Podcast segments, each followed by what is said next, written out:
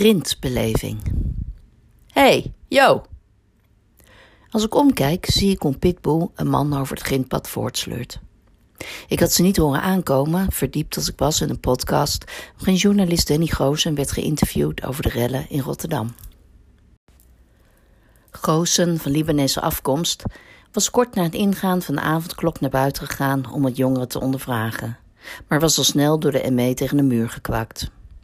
Uit angst te worden neergeknuppeld had hij er maar vanaf gezien zijn hand in zijn broekzak te stoppen om zijn perskaart tevoorschijn te toveren.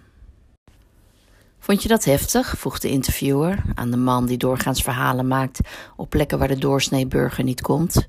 Narcotica-wijken in Napels, kapotgeschoten steden in Syrië en nu dus Rotterdam. Ja, antwoordde de journalist, omdat het zo onvoorspelbaar was. Hé, hey, yo, het pad over de verdedigingswal rond de Hansestad, waar ik met mijn hond op voortsukkel, was tot voor kort ook een plek die de doorsneeburger schuwde. Wortels van eeuwenoude eiken longten er naar de lucht. Wie omhoog durfde kijken, lag al snel lang uit, een voet achter een boomwortel gehaakt. Op droge dagen staken er zelfs stenen uit de aarde. Op natte dagen lag er een poel van modder. Voor rollators, rolstoelen en kinderwagens was het een no-go area. Ik vond het fijn zo. Ongetwijfeld zou het de 17e-eeuwse ontwerper Menno van Koehoorn ook deugd hebben gedaan. Doel van de vesting is toch de mens zoveel mogelijk op afstand houden.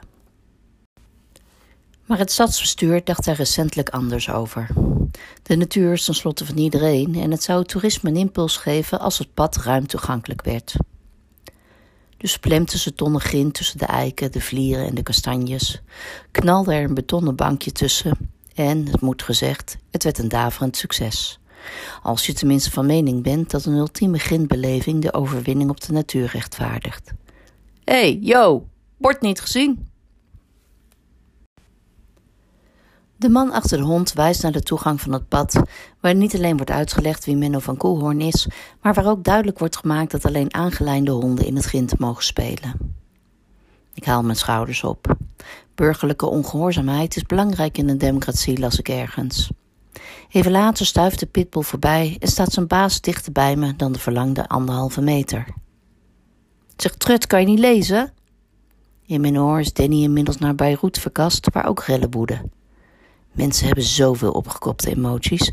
Bij ons in de Arabische cultuur verzwijgen we dat. De man naast me komt duidelijk niet uit de Arabische cultuur. hey Trut, ik vroeg je wat. Staat jouw soort soms boven de wet? Een kladde DNA-materiaal belandt naast mijn voet. Ting, zegt hij nog, en dan trekt zijn hond hem voort. Tering op zijn achterhoeks klinkt als ting. Danny is inmiddels terug uit Beirut. Op straat in Nederland gedijt hij het beste, vertelt hij.